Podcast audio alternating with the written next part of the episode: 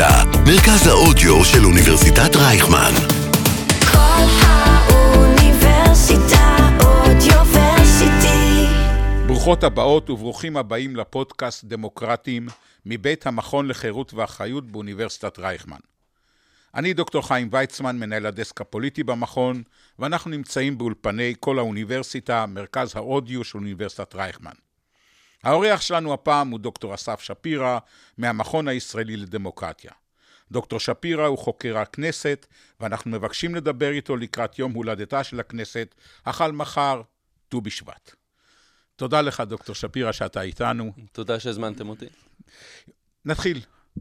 במאמר, במאמר של אביטל פרידמן ושלך, אתם אומרים כי מאז המלחמה הכנסת נחלשה והממשלה התחזקה.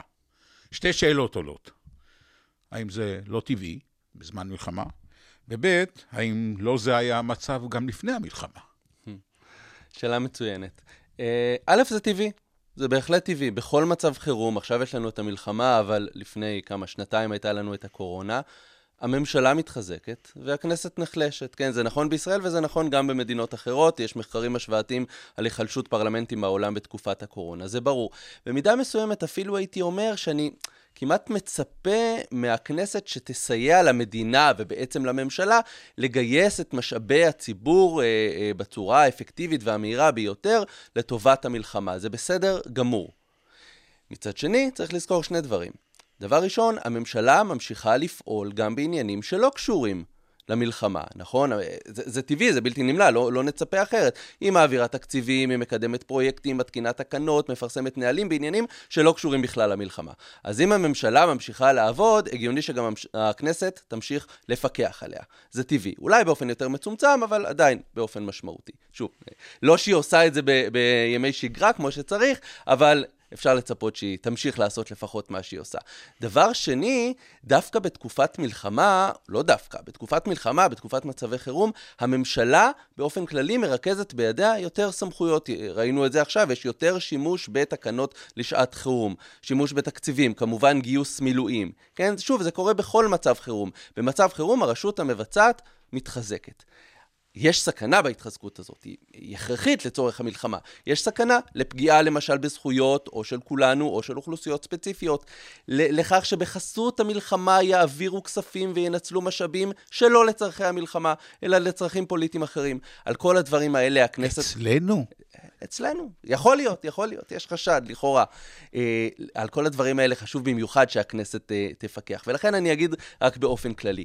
ככל שזה נוגע לחקיקה, אז כן, יש היגיון בכך שהכנסת תאפשר לממשלה להעביר חקיקה מהירה, אפילו חקיקת בזק, לצורכי המלחמה, וזה מה שקרה. בכל הנוגע לפיקוח על פעולות הממשלה, לתשאול, לחקירה, לחשיפת כשלים ושחיתויות, להתנהלות לא תקינה, למשל בהיבט שדיברתי של העברת משאבים שלא לצורכי המלחמה למטרות מסוימות. בעניינים האלה חשוב מאוד שהכנסת תמשיך לפקח.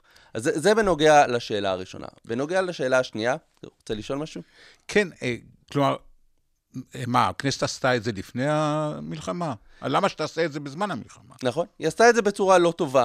עוד לפני המלחמה. אני, אני כן רוצה לה, להקדים ולהגיד שכיוון שזה יום חגה של הכנסת, אז אה, לא באתי רק לבקר את הכנסת. אם הדמוקרטיה הישראלית באופן כללי היא סוג של נס ומדהים שהיא שרדה עד היום, ובסך הכל למרות כל האיומים, ויש איומים ויהיו איומים, יש לנו דמוקרטיה די משגשגת, הכנסת היא חלק מכך. זאת אין ספק. לצד זה יש באמת, כמו שרמזת, הרבה כשלים בעבודת הכנסת, ואני חושב שהתפקיד שלנו בתור חוקרים, אתם וגם אנחנו במכון הישראלי לדמוקרטיה, זה להאיר את אותם כשלים ולנסות לתקן אותם או לגבש אה, פתרונות. אז באופן ספציפי אה, אפשר לדבר על שני סוגי כשלים של הכנסת. או בוא נגיד ככה, לכנסת יש הרבה תפקידים. שני התפקידים המרכזיים שלה, בלי ספק, זה חקיקה, היא הרשות המחוקקת, ופיקוח על הממשלה. בשני ההיבטים האלה יש כשלים בעבודת הכנסת, הם, הם שונים מאוד בשני ההיבטים האלה. אז אם תרצה, אני יכול להתחיל אה, לפרט. בהחלט. אה, רק אתה, אתה ציינת שני תפקידים של, של הכנסת, שני התפקידים המרכזיים של הכנסת. אה, אתה יודע לא פחות טוב ממני, שבחוק יסוד הכנסת, סעיף אחד, המהות, לא כתוב שום דבר. כתוב, הכנסת היא בית הנבחרים של המדינה. אז מאיפה בא התפקיד הזה של הפיקוח והתפקיד של החקיקה? לא, אז קודם כל, אני חוקר השוואתי, אז במבט השוואתי זה התפקיד של פרלמנטים בכל העולם. דרך אגב, זה לא התפקידים היחידים, כן? כמובן התפקיד של ייצוג האוכלוסייה, שבא לידי ביטוי גם בחקיקה ופיקוח, אבל עצם התפקיד של מתן לגיטימציה למשטר הדמוקרטי, דרך העובדה שקבוצות שונות מיוצגות בכנסת, או התפקיד של בחירת בעלי תפקידים, נשיא המדינה, מבקר המדינה, השתתפות גם בוועדה לבחירת שופטים וכן הלאה. אז יש לכנסת הרבה תפקידים, אבל כן, התפקידים המקובלים גם בעולם וגם אלה שהתעצבו בישראל במהלך השנים, והם בוודאי נכונים למשטרים פרלמנטריים, זה התפקידים של חקיקה ופיקוח, למרות שאתה צודק, זה לא כתוב בחוק. הרבה דברים לא כתוב בחוק. בחוק היסוד, אני מניח נ... שכתוב בחוקים אחרים. כן. כן, לא, אבל באופן כללי, מה שאתה אומר הוא, הוא נכון. למשל, הליך החקיקה, ואיך מתנהל הליך החקיקה, זה משהו שבכלל לא מוסדר בחקיקה ראשית, אלא רק בתקנון הכנסת. ואז כשמדברים על הצורך לחוקק את חוק יסוד החקיקה, שיסדיר גם את היחסים בין הכנסת והממשלה לבין בג"ץ, אז חוק יסוד החקיקה גם צריך להסדיר את הליכי החקיקה בתוך הכנסת עצמה, שזה משהו שבאמת לא מוסדר בחקיקה. אה, עד כמה הממשלה שלנו מנצלת את מצב החירום להעברת חוקים מהירים, חובת הנחה, אולי תסביר לנו גם את המונח הזה, אה, ותקש"ח, תקנות שעת חירום. כן, אז אני אקח אותך למקום כללי יותר. באופן כללי, בישראל הממשלה דומיננטית בהליך החקיקה. זה בא לידי ביטוי בימי שגרה, וזה מוקצן במצב חירום, למרות שכמו שאמרתי, אם זה לא מנוצל לרעה, מבחינתי, בעיניי, זה בסדר גמור שזה בא לידי ביטוי במצב חירום. למשל, במובן של חקיקת בזק, יש חוקים שבאמת היו צריכים להעביר במהירות רבה בראשית ימי המלחמה. דחיית מועדי תשלומים, אה, אה, היוועדות חזותית, כלומר, היכולת לקיים דיונים בבית משפט באמצעות זום או אפליקציות אחרות, זה באמת חוקים שהיו חייבים להעביר עם ראשית המלחמה, ואין עם זה בעיה. אה, הממשלה באמת דומיננטית בהליך החקיקה, זה, זה כמעט בלתי נמנע במשטר פרלמנטרי שמבוסס על ממשלת רוב, כלומר ממשלה שזוכה לתמיכה של רוב חברי הכנסת. אוקיי? יש דמוקרטיות אחרות, סקנדינביה למשל, שבהן מקובלת יותר ממשלת מיעוט, ואז באמת קשה יותר לממשלה לשלוט בהליך החקיקה. אבל אם הממשלה נהנית מרוב בפרלמנט, זה בלתי נמנע, ואנחנו רואים את זה בישראל, ואנחנו רואים את זה בדמוקרטיות פרלמנטריות אחרות. זו פחות הבעיה בישראל. לעניות דעתי. להפך, בימי שגרה החקיקה הפרטית בישראל היא דווקא די בולטת. שליש מהחוקים, משהו כזה שעוברים, הם חוקים פרטיים יותר מאשר במדינות אחרות. הבאתי כאן נתונים. אז בכנסת ה-20, האחרונה שתפקדה יחסית כמו שצריך בין 2015 ל-2019, התקבלו 359 הצעות חוק ממשלתיות, 246 הצעות חוק פרטיות. יחס של בערך שליש, או אפילו יותר משליש. זה, זה יחס שיחסית למדינות אחרות הוא לטובת החקיקה הפרטית. עכשיו, אם תחשוב על זה באופן הגיוני, אין כמעט באמת סיבה שבמשטר פרלמנטרי כמו שלנו בכלל תעבור חקיקה פרטית. אני אקדים באמת ואומר, חקיקה פרטית זה חקיקה ביוזמת חברי כנסת, לא ביוזמת יכולים הממשלה. יכולים להיות מהקואליציה ויכולים להיות מהאופוזיציה. נכון, נכון. יכולים להיות... ובשיתוף. נכון, נכון. דרך אגב, בהקשר הזה, אה, אנחנו ראינו במהלך עשרות שנים דווקא גידול בשיתוף הפעולה בין חברי כנסת מהקואליציה והאופוזיציה, עד כדי כך שרוב ההצעות היו בעצם לא הצעות שרק הקואליציה יזמה. אה, כמובן שבממשלת השינוי זה מאוד נפגע, וגם בממשלה הנוכחית, לפחות עד המלחמה, המצב יידרדר. אבל נכון, הצעות חוק פרטיות יכולות להיות קואליציה, אופוזיציה או בשיתוף. שליש מהחוקים שהם, אה, אה חק... אה, שמקורם בהצעות חוק פרטיות, זה יחסית אחוז גבוה. ושוב, לא כאן נעוצה הבעיה בישראל. איפה נעוצה הבעיה? דווקא במשהו קצת הפוך, בריבוי הצעות החוק הפרטיות. שבניגוד למה שנראה, בסופו של דבר דווקא פוגע בכנסת ובאופוזיציה. אכן, במאמר שפרסמתם, אתה, אתם כותבים שבמושב הראשון של הכנסת הנוכחית הוגשו 4,122 הצעות חוק פרטיות. כמעט 96% מהן, סך הכל הצעות חוק 4,122, כמעט 96% פרטיות. נכון. ואתה אומר שזה בעייתי. זה בעייתי מאוד. הסיבה העיקרית שזה בעייתי, יש כמה סיבות. קודם כל, מעט מאוד, כן, מההצעות האלה בכלל הופכות אה, אה, לחוקים. אחוז קטן ביותר. אז למה, למה בכלל להגיש כל כך הרבה הצעות שידוע מראש שאחוז קטן ביותר יהפוך לחוקים? לכן אנחנו ואחרים מכנים את ההצעות האלה הצהרות חוק. זה הצהרה בלבד, ברור שזה לא יהפוך לחוק. זה נועד בעיקר לצרכים תקשורתיים. לפעמים גם הפוליטיקאים באים לקהל הספציפי שלהם, למשל הבוחרים בפריימריז, ואומרים, תראו, הנחנו הצעות חוק עבורכם, למרות שברור שההצעות האלה לא יהפכו לחוקים.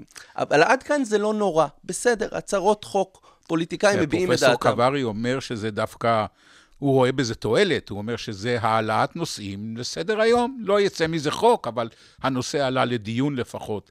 נכון, יש בזה משהו, אני לא פוסל את זה לגמרי, זה בהחלט העלאת נושאים לסדר היום. אני הייתי מעדיף שחברי הכנסת יעלו נושאים לסדר היום בצורה הרבה יותר רצינית ומעמיקה, ושגם תוביל לשינוי מדיניות, ולא סתם בתור הצהרות. אבל יש לזה גם הרבה נזקים משמעותיים ומהותיים לעבודת הכנסת. בעיקר זה, זה ככה אני באופן כללי, זה מסיט את כל עבודת הכנסת, א', מחקיקה פרטית יותר רצינית ומשמעותית לכיוון ריבוי הצעות חוק, וב', מתפקיד הכנסת לפקח על הממשלה לכיוון של ריבוי הצעות חוק פרטיות. קודם כל זה מעניק, מעמיס, סליחה, על חברי הכנסת. כשחבר כנסת ביום הראשון של מושב הכנסת, מניח של מושב כלשהו, כן? לא, לא דווקא פתיחת הכנסת, כל שנה, מניח מאות הצעות חוק פרטיות בבת אחת, אז, אז ברור שלא כל ההצעות האלה באמת העסיקו אותו, אבל מספיק שהוא קרא והתעמק אפילו, אה, ואישר אפילו חלק קטן מהן, זה, זה גוזל לו המון זמן, וזה גוזל עוד יותר זמן מהעוזרים הפרלמנטריים שלו, שכן היו צריכים טיפה יותר זמן להתעמק בהצעות החוק האלה, וזה גוזל עוד יותר זמן מהיועצים המשפטיים בכנסת, שהם באמת צריכים לעבור על כל הצעה. הצעה והצעה, ולראות האם היא, האם היא תקינה. ואחר כך זה מגיע לדיונים במליאת הכנסת, יותר מדי הצעות חוק פרטיות, ומגיע לדיונים בוועדות הכנסת, יותר מדי הצעות חוק פרטיות, פחות ו- ופחות פיקוח, או פחות עיסוק במעט הצעות חוק פרטיות, אבל מאוד מאוד רציניות. זה מסית לרעה את כל עבודת הכנסת. עכשיו, אפשר להגיד, ואני חושב שגם אה, פרופסור קברי התכוון לזה, אנחנו לא מאשימים את חברי הכנסת, כי אין להם מספיק כלי פיקוח אחרים על הכנסת, ולכן הם נאלצים... על הממשלה. על, סליחה, על הממשלה, נכון? ולכן הם נאלצים ללכת לכיוון הזה. של הצעות חוק פרטיות. אבל אם אני מסתכל על התופעה בפני עצמה, היא תופעה מזיקה ברובה, והיא גם תופעה מאוד מאוד חריגה במבט עולמי. ישראל היא בי פאר השיאנית במספר הצעות החוק הפרטיות, ברמה שאין שום מדינה שבכלל מתקרבת לישראל במספר הזה. עוד נחזור ל... לאהבה שלך ההשוואתית, אבל אה, קראתי באותו מאמר שלכם, שאתם ממליצים שהכנסת תנסח לעצמה נוהל הפעלה בשעת חירום. עכשיו, אני מסתכל עלינו, מדינה בת 75, כל הזמן בשעת חירום, ואין נוהל הפעלה של הכנסת בשעת חירום? אז זה באמת קצת מטה, בדיוק מהסיבה שבאמת, כידוע, ישראל מאז uh, מאי 1948 נמצאת במצב חירום. שהולך ומתמשך, כן? אבל, אבל בכל זאת, ברור שצריך להבחין בין מצב החירום הכללי החוקי שקיים בישראל, לבין תקופות ספציפיות, כמו תקופת הקורונה וכמו המלחמה הנוכחית. דווקא בשנים האחרונות אנחנו רואים ש... שחשבנו שככה מצבי החירום זה עניין של העבר, זה משהו ש... שחוזר. אז כן, אני, אני חושב ש... ראינו כל מיני בעיות בהתנהלות הכנסת עכשיו, בעיקר בכל מה שנוגע לצמצום הפיקוח על הממשלה, לעניין השאילתות, שאנחנו לא רואים היום כמעט אה, שאילתות לא, לא שמאושרות ולא שנענות, כל מיני בעיות ספציפיות עכשיו שצריך אבל, להסדיר אבל אותן. אבל זה עוד, עוד מאז אה, משה דיין, שהיה שר והיה אומר, לש... שלושה חודשים אחרי השאילתה היה עונה, עולה לדוכן, ולשאלתו של חבר הכנסת, לא חשוב איזה, התשובה היא כן. כן. ובזה נגמר הסיפור. נכון, זו נקודה מאוד חשובה, שגם מתחברת למה שאמרתי קודם, על כך שלחברי הכנסת אין הרבה כלי פיקוח, ולכן הם הולכים לכיוון של הצעות חוק פרטיות. השאילתות, שבעיקרון זה, זה מנגנון, פיקוח מובהק, חבר הכנסת שואל את השר הרלוונטי שאלה לגבי תפקוד משרדו, השר עונה על התשובה, התקשורת יכולה להסתכל על התשובה, כלי נהדר. בפועל המנגנון הזה בישראל זה מנגנון... לא הייתי אומר מיותר, אבל כן הייתי אומר אנכרוניסטי. באמת, על שאילתות רגילות אפשר לענות תוך 21 יום. 21 יום במציאות הנוכחית של ההתפתחויות המהירות, של הרשתות החברתיות, 21 יום זה נצח, זה כמעט לא רלוונטי. מעבר לעובדה שחלק גדול מהשאילתות לא נהנות תוך 21 יום, מעבר לעובדה שכפי שציינת, חלק גדול מהתשובות הן תשובות ממש לא רציניות. אז, אז זה מנגנון אנכרוניסטי, ואני חייב כאן לדחוף איזושהי המלצה שיש לנו, וזאת ההמלצה... כן. קודם כל צריך לקצר את זמני המענה לשאילתות, זה ברור, אבל עדיין זה יישאר מנגנון קצת אנכרוניסטי. כן, למשל בגלל העובדה שהשר שנשאל, בדרך כלל הוא לא השר שעונה. מי שעונה על במת המליאה, אם בכלל בכלל מישהו עונה, זה שר אחר שהוא השר שמייצג את הממשלה באותו דיון בכנסת. אבל מעבר לזה, יש מנגנון הרבה יותר יעיל, יותר מקובל בעולם, וזה המנגנון של שעת שאלות. שדרך אגב, אומץ בישראל בהוראת שעה בכנסת ה-20, בין 2015 ל-2019. זה מנגנון שבו בזמן אמת, ראש הממשלה והשרים, כמובן לפי מכסות שייקבעו בחוק, לא רוצים לגרור אותם לכנסת אה, כל יום לענות על שאלות, אבל אני לא יודע, פעם בחודש או משהו כזה, באים ועונים בשידור חי לשאלות, הם בעצמם, לא שרים אחרים, עונים, חייבים לענות בשידור חי לשאלות שחברי הכנסת שואלים אותם. האם המנגנון הזה יבטיח שהתשובות יהיו רציניות ומעמיקות? בהחלט לא. אבל הסיכוי לכך יהיה הרבה יותר גדול. גם אנחנו יודעים ממדינות אחרות שזה מנגנון שזוכה לחשיפה תקשורתית. כלומר... אנחנו מכירים את התופעה בפרלמנט הבריטי. בפרלמנט הבריטי בעיקר. אנחנו נכון. טוענים שאנחנו לקחנו מהם, אבל רק אה, מה שרצינו לקחנו.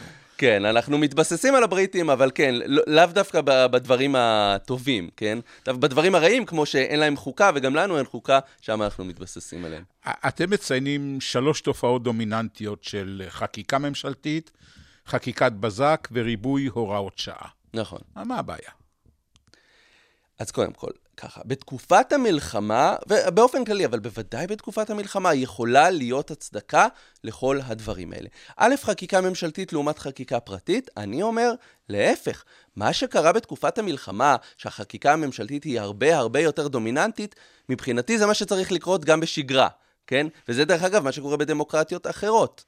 חקיקה צריכה להיות ברובה ממשלתית, בהחלט צריכה להיות חקיקה פרטית, אבל היא צריכה להיות חקיקה פרטית... למה, תסביר לנו את הפרוצדורה, כן. למה עדיפה חקיקה ממשלתית. סליחה שאני עובר לאיתן כבל עם הפרוצדורה, אבל כן. פה זה חשוב, כי זה עניין של חובת הנחה ותזכיר לצ... וכולי. נכון, אבל דווקא, זה, יש פרוצדורות שונות, אבל דווקא מבחינת הפרוצדורות, אני לא בטוח שיש עדיפות למסלול כזה או אחר. האמירה שלי היא אחרת, צריכה להיות יותר חקיקה ממשלתית, כיוון שככה הממשלה מקדמת באופן קוהרנטי אה, מדיניות אסטרטגית שהיא רוצה ליישם, והממשלה נבחרה לצורך כך, וב', כך חברי הכנסת יכולים להתמקד במעט הצעות חוק פרטיות, אבל שההצעות האלה יהיו מאוד רציניות, וב' בפיקוח על הממשלה. מבחינת הפרוצדורה, אז חקיקה ממשלתית, יש הבדלים שונים ב, באמת בפרוצדורה, אני לא אכנס לכולם, אבל הבדל למשל מרכזי, ש, שבו חקיקה ממשלתית עדיפה, זה העובדה שחקיקה ממשלתית מתפרסמת קודם כל כתזכיר חוק באתר החקיקה הממשלתית, ממליץ לכולם להיכנס, יש כל הזמן מתפרסמים תזכירי חוק, ובימי שגרה יש לציבור 21 יום להגיב על החקיקה הממשלתית, ממש להעלות, כל אחד יכול אה, להעלות אה, אה, מסמכים, חוות דעת לגבי החקיקה הממשלתית. אנחנו למשל, במכון הישראלי לדמוקרטיה, מסתכלים על זה הרבה, ולהמון הצעות חוק מגיבים, ובהנחה שהתהליך אה, שמתבצע אחר כך במשרדי הממשלה הוא תהליך רציני, אז עמדות הציבור בהחלט משוקללות בתוך הצעת החוק הסופית שמגיעה לדיון. הצעת חוק ממשלתית גם עוברת הרבה יותר דיון פנימי בתוך משרדי הממשלה, וגם אה, חוות דעת מצד הייעוץ המשפטי לממשלה. הצעת חוק פרטית קצת מדלגת על כל השלבים האלה. מה כן הצעת חוק פרטית צריכה לעבור? אז היא צריכה לעבור מכשול מאוד רציני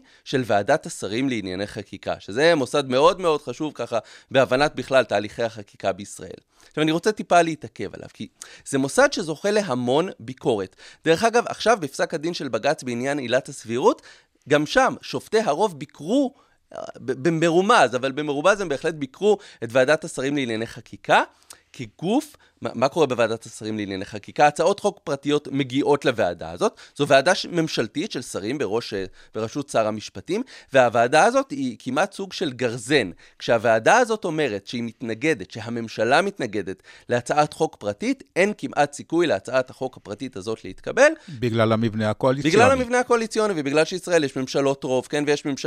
משמעת קואליציונית.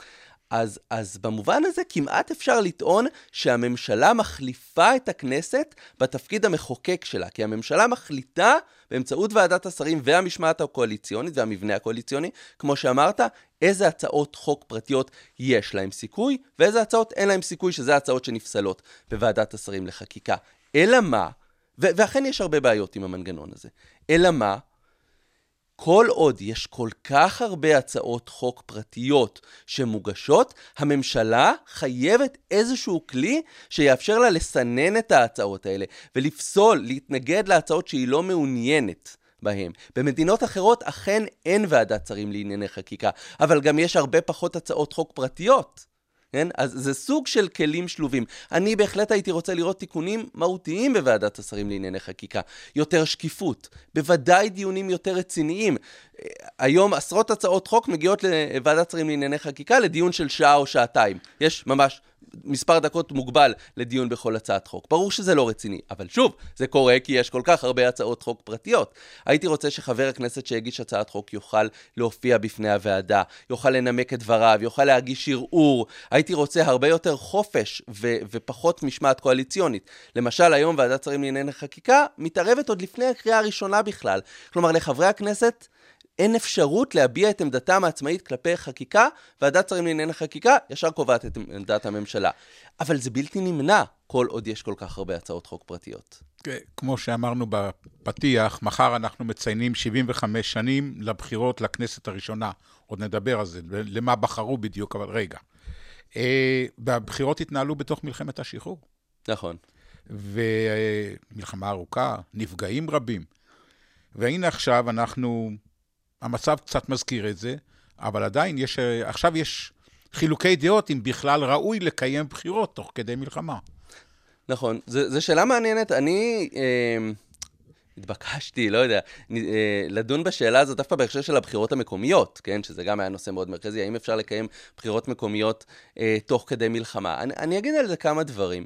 דבר ראשון, אה, לצערי, יש, איזשהו, אה, יש איזושהי תפיסה שבחירות מקומיות הן בחירות מדרג ב'.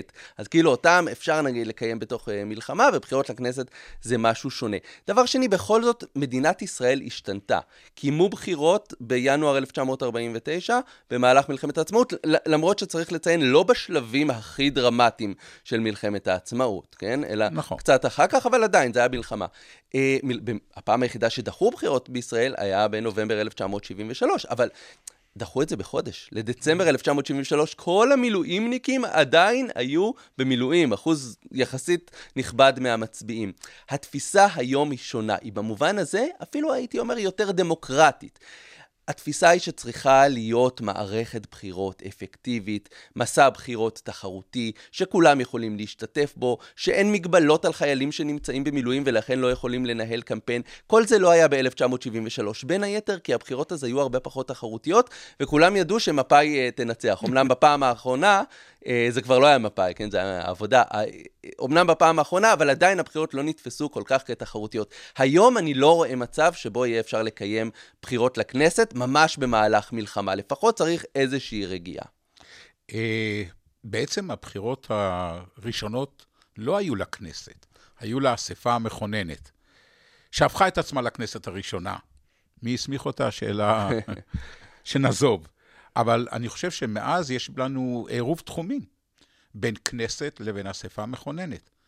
מתי, מתי הכנסת, אני לא שמעתי שהכנסת מכריזה על עצמה כאספה מכוננת לצורך קבלת חוק יסוד. נכון, אתה צודק. אני כן אתן שיעור היסטוריה ממש ממש קצר. אכן, הבחירות הראשונות בינואר 1949 היו לאספה... 25 בינואר, מחר לפני נכון. 75 שנים. כן, אה, נכון, זה גם בתאריך היפה.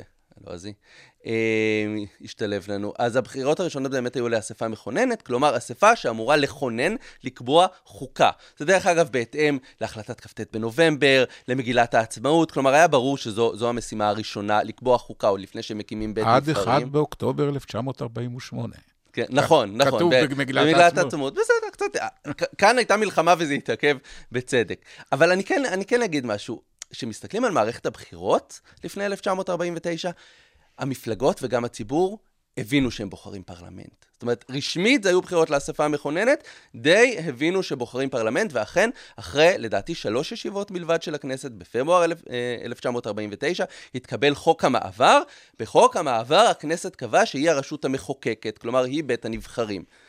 אתה שואל מי הסמיך אותה לעשות את זה, היא, היא עצמה הסמיכה את עצמה לעשות את זה. השאלה הגדולה אבל שנשארה, ולזה כיוונת, אני חושב, זה מי אמר שאחרי שהכנסת הפכה את עצמה לבית הנבחרים, לפרלמנט, עדיין נשארה לה הסמכות המכוננת, כלומר הסמכות לקבוע חוקה. זו באמת שאלה כמעט לא פתירה, אבל הפרשנות המשפטית המקובלת היא שהסמכות המכוננת נשארה לכנסת, לאספה המכוננת גם שהיא הפכה את עצמה לכנסת. ועוד משפט אחד, בהחלטת הררי, שזו ההחלטה של הכנסת ב-1950, אז, אז הכנסת בעצם הטילה על ועדת החוקה, חוק ומשפט לקבוע חוקה, אבל שהחוקה הזאת תורכב קודם כל מחוקי יסוד, ויום יבוא ב- בימות המשיח, וחוקי היסוד האלה יתאגדו לידי חוקה, ומכאן המצב הנוכחי. כן, אבל אז נוצר מצב אה, שאני חושב שהוא לא כל כך בריא, שאנחנו מחוקקים חוקי יסוד כאילו היו חוקים רגילים, אנחנו משנים אותם כאילו היו חוקים רגילים, אין אפילו הכרזה של יושב ראש הכנסת, ישיבה זו מתקיימת אה, בכובעה של הכנסת כאספה המכוננת, או משהו מהסוג הזה, כי אנחנו, אם אמר, אמרה פשרת הררי שחוקי היסוד הם פרקי החוקה העתידית, אז זה חלק מן החוקה שלנו, אז צריך אספה מכוננת. נכון, אתה צודק לגמרי. זה, זה, זה הטיעון אולי המרכזי בבג"ץ עילת הסבירות של שופטי הרוב, למה בכלל יש להם סמכות לבקר חוק יסוד, כי אין הליך חקיקה מיוחד לחוק יסוד. אמרתי קודם שבאופן כללי אין, אין עיגון בח- בחוק יסוד או בחקיקה, רק בתקנון הכנסת, לעצם הליך החקיקה. וזה נכון, ו- ואני מסכים שזה אה, הזוי לגמרי, זה נכון גם לגבי חוקי יסוד. חוק יסוד חדש אפשר לחוקק כמו כל חוק רגיל ברוב של אחד מול אפס. את רוב חוקי היסוד אפשר גם לתקן או לבטל ברוב של אחד מול אפס. יש כמה שמשוריינים ברוב של 61. אבל מה זה רוב של 61? זה רוב שכל קואליציה מקרית יכולה לגבש. אם אתה משווה את זה להליכי אה, תיקון החוקה במדינות אחרות, בוודאי בארצות הברית, אבל גם במדינות שבהן ההליכים הם פחות נוקשים, אז נדרש רוב מיוחד בפרלמנט, נדרש אישור של שני בתי הפרלמנט, בחלק מהמדינות יש צורך במשאל עם, בחלק מהמדינות לוקח זמן עד שהתיקון נכנס לתוקף. הפער כאן בין המדינות האלה לבין ישראל הוא פער אדיר, ואני חושב שלכן באמת אולי אחת המשימות הדחופות של, לא יודע, הכנסת, הממשלה הבאה, אולי אפילו הממשלה הנוכחית, למרות שקשה להאמין, זה לחוקק את חוק יסוד החקיקה, שלפני בכלל שיעסוק ביחסים בין בג"ץ לבין הכנסת והממשלה, ידבר על איך מחוקקים חוקים, ובמיוחד יקבע הליך חקיקה מיוחד לחוקי יסוד, כך שחוקי יסוד ישקפו איזושהי הסכמה חברתית ופוליטית רחבה, ולא רוב מקרי. בסקרים שאנחנו עורכים פה במכון לחירות ואחריות באוניברסיטת רייכמן, עולה שהכנסת אה, זוכה, רמת האמון בה היא נמוכה מאוד, הנמוכה ביותר, פחות מהממשלה אפילו. 13 אחוז אה, מהציבור אומרים שיש להם אמון בכנסת. למה? קודם כל, אצלנו זה 4 אחוז, זה דווקא מראה על, אה. על, על שהסקרים מאוד רציניים, שהם אה, מותאמים, אבל כן יש מוסד אחד שזוכה לפחות אמון, וזה המפלגות. כן. כן, אבל, אבל אני לא בטוח עד כמה בשאלות האלה המשיבים מבחינים בין המפלגות לבין הכנסת, כי בסוף הכל מיוצג עבורם אה, על ידי חברי כנסת. למה זה קורה? אז תראה, צריך להגיד ככה, דבר ראשון, הירידה באמון במוסדות פוליטיים זו תופעה אוניברסלית שמתרחשת בכל העולם ומתרחשת בצורה קיצונית בישראל. היא נובעת מהרבה תהליכים חברתיים, כלכליים, תרבותיים, תקשורתיים, הרשתות החברתיות, כן? ו- וזה באמת תופעה אוניברסלית. דווקא לגבי ישראל אפשר להגיד שהאמון בפוליטיקה בישראל, גם במפלגות וגם בכנסת, אולי בעיקר במפלגות, אבל גם בכנסת, בעבר היה מאוד גבוה ביחס לעולם. לכן גם הירידה הקיצונית. אז זה דבר אחד, אבל, אבל זה לא תשובה מספקת. זאת אומרת, אני לא יכול להגיד, זהו, זה קורה בכל העולם, וישראל פעם הייתה יותר גבוהה, ולכן המצב מוצדק. לא, המצב גרוע. חוסר אמון בכנסת, והכנסת זה, כמו שאומרים, הלב הפועם של הדמוקרטיה הישראלית, משקף במידה מסוימת חוסר אמון בפוליטיקה אה, הישראלית ובדמוקרטיה הישראלית. וזה חבל. זה חבל כי כמו שכל מי שנמצא בכנסת, הרבה אני חושב, יודע רוב חברי הכנסת הם חברי כנסת טובים שבאו לעבוד למען הציבור, והם מנסים עד כמה שניתן, וכל אחד לפי תפיסתו, להיות רציניים ובאמת לשרת את הציבור. הבעיה היא שיש כשלים מבניים, תהליכים, אה, מנגנונים לא טובים, מבנים לא טובים בכנסת, שמאוד מאוד מקשים עליהם לעשות את זה, ובמובן מסוים כמעט מחייבים אותם ללכת לכיוונים שפחות מעוררים אמון. כמו ריבוי חקיקה פרטית, שאני לא חושב שזה משהו שיוצר אמון גבוה אצל הציבור, וכמובן אה, כל הפרובוקציות וההתבטאויות הבעייתיות והעימותים המתוקשרים בכנסת. זה קורה גם, שוב, מטעמים שקשורים לתרבות הפוליטית הישראלית ולתהליכים כלל עולמיים ולרשתות החברתיות, אבל זה קורה גם כי לחברי הכנסת אין כלים טובים לעבוד באמצעותם בכנסת. כן? למשל, איפה זה בא לידי ביטוי במיוחד? זה בא לידי ביטוי במיוחד, או אני אקדים ואומר, אחת הסיבות לכך היא שהכנסת כל כך קטנה. תכף, אני מגיע אה, לזה. אוקיי. אז, אז אני, אני אקדים ואומר שזה בא, בא לידי ביטוי בוועדות, כן? הוועדות בישראל, שהן המקום המרכזי שבו אפשר וצריך לפקח על הממשלה, לא עושות עבודה מספיק טובה בה- בהקשר הזה, בין היתר כי אין להם מספיק כלים. למשל, מישהו בוועדה, יושב ראש הוועדה, רוצה לזמן פקיד ממשלה שיבוא בפניו וימסור לו מידע. זה באמת כמעט הבסיס של פיקוח הכנסת על הממשלה, לזמן פקידי ממשלה שימסרו מידע. א', איך הוא ידע את מי לזמן? אין לו מספיק תמיכה מקצועית. מי יש לו? יש לו את היועץ המשפטי של הוועדה, כן? ש... לא, הוא, לא, הוא מומחה משפטי, הוא לא מומחה בתחום עבודתה של הוועדה. לוועדת המדע והטכנולוגיה, למשל, הייתי מצפה שיהיה יועץ לענייני מחקר, מדע וטכנולוגיה, זה לא קיים. אוקיי, אז זימנו את הבן אדם, אז על את, את עובד המדינה. א', עובד המדינה לא תמיד מגיע בפני עצמו, לשר יש סמכות להחליף את עובד המדינה ולהגיע במקומו. ב', אם עובד המדינה בכלל לא הגיע, כמעט אי אפשר להטיל עליו סנקציות. זה, זה הליך מאוד מורכב. צריך שיושב ראש הוועדה יפנה ליושב ראש הכנסת, יושב ראש הכנסת יפנה לנציבות שירות המדינה, ואגף המשמעת בנציבות שירות המדינה יחליט להטיל סנקציות על אותו עובד שלא הגיע. זה פשוט לא קורה. זאת אומרת, יש כאן הרבה הרבה מכשולים. אפילו בוועדה לביקורת המדינה. השר החליט שהפקיד המדינה לא, י... לא נכון. יעיד, והוא הלך הביתה. הדרך, ש... דרך אגב, שם המצב יותר חמור, כי הוועדה לענייני ביקורת המדינה זה הוועדה היחידה שיש לה יותר סמכויות. יש לה סמכות זימון אישית. בניגוד לשאר הוועדות, היא רשאית לזמן מישהו באופן אישי, ואפילו רשאית להטיל קנס על עובד מדינה שזומן ולא הגיע. אבל מה מצפים מעובד המדינה אה, במצב, כפי שאמרת, שהשר לביטחון לאומי, זה האחראי על רישוי כלי ירייה, אומר לו באמצע הדיון, הוראה של השר לעזוב את הישיבה. אני, אני לא מאשים את העובד הזה שעוזב את הישיבה, זה הוראה מהשר, מה, כאילו מהמפקד העליון שלו, מהבוס העליון שלו. אבל אה, כן, זו דוגמה מובהקת. איך הוועדה לענייני ביקורת המדינה, שדווקא עשתה עבודה יפה בענייני פיקוח על כלי הירייה, וחשפה כשלים ו- ואולי שחיתויות, אבל בוודאי התנהלות לא תקינה, איך אפשר לצפות שהיא תעשה את עבודתה במצב כזה? אני, בשיחות שלנו, אתה יודע שאני אפילו אה, יותר במרכאות קיצוני ממך לגבי הגדלת הכנסת. אה, אבל אני אייצג דווקא את הצד השני פה עכשיו. 120 חברי כנסת, למה אנחנו צריכים יותר? אז קודם כל, זה, זה קשה לי להגיד את זה, כי זה באמת רפורמה לא פופולרית. בוודאי שאמון הציבור בכנסת כל כך אה, אה, נמוך, אז מה, אני מציע להגדיל את הכנסת, לתת עוד, אה, לא יודע, להכניס עוד אוכלי חינם? אה, סליחה, אני לא באמת חושב שזה ככה, אבל זה הביטוי הציבורי. א', מסתכלים על נתונים, באמת, והנתונים הם חד משמעיים. קודם כל, לנתון שב-1948 היינו כמה 600-700 אלף איש, היום כמעט 10 מיליון, הכנסת לא גדלה. בניגוד למדינות אחרות, כל העול של החקיקה ושל פיקוח על השלטון מוטל על הכנסת. במדינות אחרות יש בית עליון, יש פרלמנטים אזוריים, יש רשויות מקומיות יותר חזקות מאשר בישראל. בישראל מוטל עומס מאוד גדול על הכנסת, ואז אנחנו מסתכלים על גודל הפרלמנטים, הבתים התחתונים במדינות אחרות לעומת ישראל, ורואים שבישראל יש לנו מעט חברי כנסת. אתה בטח מכיר את הנוסחה המקובלת במדע המדינה, שגודל הפרלמנט צריך להיות שורש שלישי של גודל האוכלוסייה. אז כשהיינו 8 מיליון איש, אז היה מדובר ב-200, נכון? 200 כפול 200 כפול 200 זה 8 מיליון, היום זה יותר מ-210 לפי הנוסחה הזאת. אבל גם כשמסתכלים על מדינות אחרות, אה, איפה הדוגמאות שלי? אה, זה לא כתבתי. אה, הנה, כן. סלובקיה עם פחות משישה מיליון אה, תושבים, יש לה פרלמנט של 150 איש.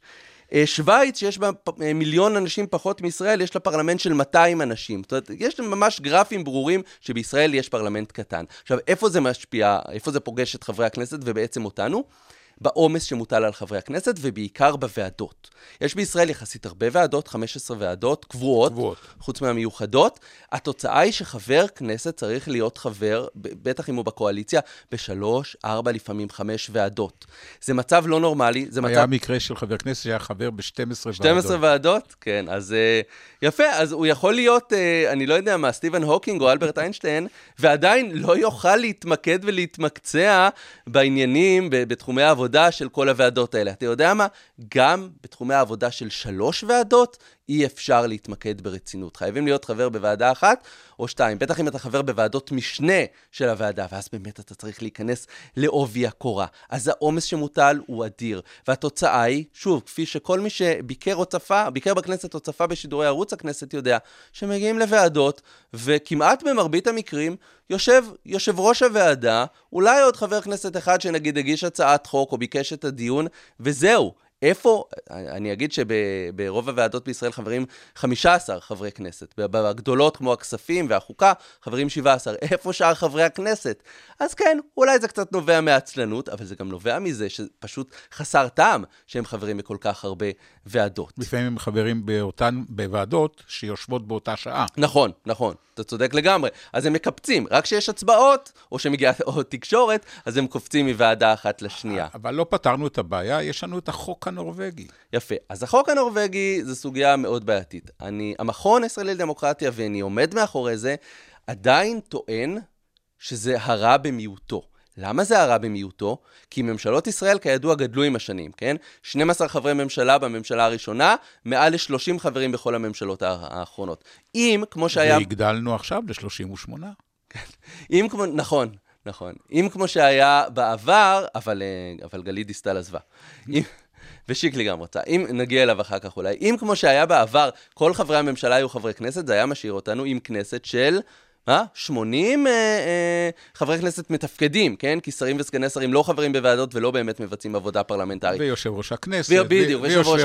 ראש ועדות נכון, חשוב. נכון, נכון, בדיוק, בדיוק. אז זה, זה היה מגיע לפחות מ-80 חברי כנסת. וזה היה הופך את תפקוד הכנסת לחלוטין ללא אפשרי. ולכן, אני עדיין חושב שהחוק הנורבגי הוא הרע במיעוטו. אבל הוא רע. זאת אומרת, הוא הרע במיעוטו, אבל הוא רע. הטוב זה הגדלת הכנסת. החוק הנורבגי באמת גורם להרבה בעיות. יש לזה עלות אה, תקציבית על כל חבר כנסת חדש, למרות ש... זה שני מיליון שקלים לשנה, משהו כזה, כן, במיוחד בימים אלה זה עלות משמעותית, אבל זו לא הבעיה העיקרית. הבעיה העיקרית היא יצירת המעמד של חברי כנסת נורבגים. למה הכוונה? חברי כנסת נורבגים זה, או אני אקדים ובשני משפטים, אני אדבר על החוק הנורבגי. החוק הנורבגי אומר שכל שר או סגן שר, בכפוף למכסה סיעתית מסוימת, אבל בואו נניח שכל שר וסגן שר יכול להתפטר מהממשלה, יכול להתפטר, סליחה, מהכנסת, כן? אבל הוא תמיד יכול להתפטר מהכנסת. מה העניין בחוק הזה? שאם יום אחד הוא יעזוב את הממשלה, הוא יחזור לכנסת. זה איזושהי דלת מסתובבת כזאת. והאחרון מהרשימה שלו שנכנס, יצא החוצה. בדיוק, בדיוק. האחרון יצא החוצה. עכשיו, זה גם מאוד הגיוני, כי למה ששרים יתפטרו מהממשלה אם הם יודעים שאם נתניהו יפטר אותם, הם לא יחזרו לכנסת, אז עכשיו יש להם אינטרס, או, או, או אין להם בעיה להתפטר מהממשלה, כי הם יודעים שאם יקרה הגרוע מכל, הם יחזרו לכנסת. ואז יש לנו את חברי הכנסת הנורבגים, כאלה שנכנסו בזכות החוק הנורבגי, ויודעים, א', שהם חייבים את כהונתם בכנסת לאותו שר או סגן שר שהתפטר. כי הם לא חייבים לעשות את זה, השרים וסגני השרים, לא חייבים להתפטר מהכנסת, כן? זה משהו, דרך אגב, ייחודי בחוק הנורבגי הישראלי. הם לא חייבים, הם עושים את זה מרצונם. אז, אז כמעט במובן הנפשי, חבר הכנסת הנורבגי חב את כהונתו לשר או סגן שר שהתפטר. אבל ב', ויותר חשוב, הוא, הוא חייב את כהונתו, כי אם אותו שר או סגן שר יחזור לכנסת, אותו חבר כנסת נורבגי יעזוב.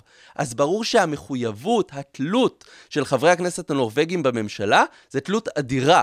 הם, האפשרות שלהם להפעיל שיקול דעת עצמאי היא אפשרות אפסית. הם תלויים לגמרי בממשלה. זה גם, דרך אגב, מעודד כל מיני תרגילים, כן? עכשיו עלה הנושא של שיקלי, שזה תרגיל שבסוף לא קרה, אבל זה כן קרה בעבר. מה קרה עם... בנט. נכון, עם בנט זה קרה. מה התרגיל? אני אגיד באופן כללי מה התרגיל. התרגיל הוא ששר שהתפטר קודם מהכנסת, מתפטר מהממשלה, חוזר לכנסת, חבר הכנסת הנורבגי יוצא בגלל זה, כמו שאמרת, ואז אותו שר, חוז... או שר שהתפטר, חוזר לממשלה, אבל הפעם לא מתפטר מהכנסת. אז, אז חבר הכנסת הנורבגי שהודח, לא חוזר לכנסת, נשאר מחוץ לכנסת. זה בעצם תרגיל שמאפשר להדיח חברי כנסת נורבגים שלא מרוצים מהם. בנט עשה את זה בעבר, האמת שאני לא זוכר כלפי איזה חבר כנסת, אבל מישהו שהיה ככה בעייתי בתוך סיעת אה, ימינה, הוא עשה את התרגיל הוא. לא, הוא, עדיין, הוא עדיין לא היה חבר כנסת, הוא היה אמור להיכנס, אמור להיכנס, ואז נכון. בנט התפטר. ו... נכון. עכשיו זה היה יכול לקרות עם שיקלי. אם שיקלי היה מתפטר, הוא התפטר מתפקידו כשר לשוויון חברתי, אבל הוא נשאר שר. שר, שר התפוצות והמאבק באנטישמיות. אם הוא יתפטר גם מזה, הוא יחזור לכנסת, ואז חבר הכנסת, אני חושב, ששון גואטה מהליכוד, יעזוב. ואז שיקלי תכנן לחזור לממשלה, אבל ששון גואטה כבר נשאר בחוץ. ואז קמו חברי כנסת נורבגים, כאן אני מסתמך על התקשורת, כן? אין לי כן. מידע פנימי. קמו חברי כנסת נורבגים אחרים בליכוד ואמרו, רגע, אם עושים את זה לששון גואטה, יכולים לעשות את זה גם לנו. ואז, ואז הם עשו סוג של מרד, ואמרו, אנחנו לא נצביע בעד מינוי שיקלי מחדש לשר. ואז שיקלי או הליכוד ויתרו על זה. אבל זה מראה את הבעייתיות בחוק הנורבגי, במיוחד כפי שהוא קיים בישראל. האפשרות לתרגילים, למניפולציות, התלות המוחלטת של חברי הכנסת הנורבגים בממשלה, האפשרות להדיח אותם.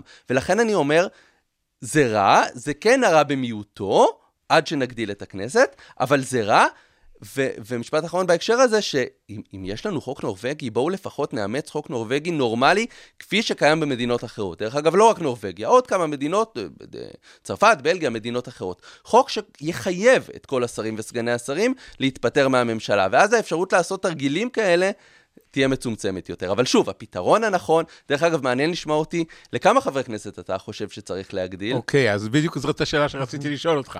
כי אתה בטח לא רוצה, אתה כן רוצה 210, אבל אתה לא מעז להציע את זה, אז ההצעה שלך, אני יודע, היא 150 חברי כנסת. מאה, האמת שבינתיים נהייתי קצת יותר ליברלי, 180 זה אז- גם מתחבר עם אנחנו- המספר חי. אז אנחנו, אה, אנחנו מסכימים. אני חושב ש-180 חברי כנסת, זה כרוך אצלי גם בשינוי שיטת הבחירות נכון. שאני מציע, שכנראה לעולם לא תעבור. אז אני אפילו כבר הפסקתי להציע אותה, אבל אני חושב ש-180 חברי כנסת, אה, זה מספר נכון לנו בעת הזאת. בעת הזו. אני מסכים, אני גם חושב ש... אני מסכים גם לגמרי עם זה שזה יהיה קל יותר למכור את השינוי אם למשל יאומצו בחירות אזוריות. ואז אפשר להגיד, 60 חברי הכנסת שמתווספים, הם מתווספים ונבחרים בבחירות אזוריות לייצג אזורים מסוימים. אני חושב שזה יעבור יותר חלק בגרון, כי, כי הציבור, לפחות באינטואיציה, מבין היום את הערך של ייצוג אזורי. כן, אנחנו רואים איך אזורי הדרום ואולי הצפון הוזנחו. אז דווקא אני לא מסכים איתך, ואני חושב שיש כאן איזשהו פוטנציאל וחלון הזדמנויות לקידום שיטת בחירות אזורית, ועל, ו- ותוך כדי גם הגדלת הכנסת. Good luck. כן, כן, זה- זה אה, התפקיד. תראה, אנחנו כבר עברנו את הזמן שהוקצב לנו, אבל אני לא אוכל לשחרר אותך לפני שאני אשאל אותך, מה היית רוצה שהצופים, המאזינים שלנו, ייקחו איתם מהשיחה הזאת? אז, אז אני חושב שמה שאני רוצה שיקחו זה בעצם מסכם את כל מה שאמרתי עד עכשיו. קודם כל, אני לא מרוצה ממצב האמון בכנסת. ואני לא מרוצה ממנו גם כי אני רואה את המציאות ואני רואה שרוב חברי הכנסת באו לעבוד למען הציבור, כל אחד לפי תפיסתו. מצד שני, המבנים בכנסת, המנגנונים, איך שהכנסת פועלת, כמעט לא מאפשרים להם לפעול בצורה טובה, איכותית ורצינית. אתה, לא צריך להגזים, כן? תמיד חברי כנסת ופוליטיקאים ירצו לקרוץ לתקשורת ויעשו פרובוקציות ויהיו פופוליסטים ודמגוגים, זה ברור, אבל זה איזושהי שאלה של איזון.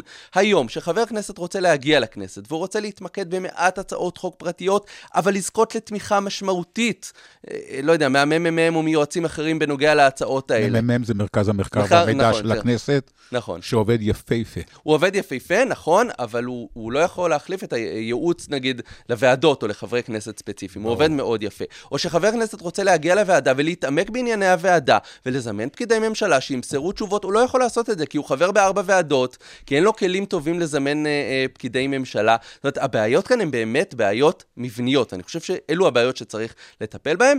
ו- ומשפט אחרון, שני אולי אבני הראשה, שבאמת לדעתי פוגעים קשות בתפקוד הכנסת, זה א', מספר חברי הכנסת, כמו שדיברנו, וב', ריבוי הצעות החוק הפרטיות. אני לא מאשים את חברי הכנסת בזה, אבל אני חושב שיש לזה השלכה שלילית על כל פעולת הכנסת וגם על התפיסה שלנו, של הציבור, של התקשורת, את עבודת הכנסת ככזו שמתמקדת בחקיקה ו- ופחות בפיקוח. וואו, תודה. תודה רבה לך, דוקטור אסף שפירא, מהמכון הישראלי לדמוקרטיה. תודה לכל האוניברסיטה, מרכז האודיו של אוניברסיטת רייכמן. תודה לכם שהייתם איתנו. ניתן להאזין לפודקאסטים שלנו בכל האפליקציות האפשריות, ספוטיפיי, אפל פודקאסט, יוטיוב, ובאתר המכון לחירות ואחריות. שמרו על עצמכם והיו טובים אלה לאלה.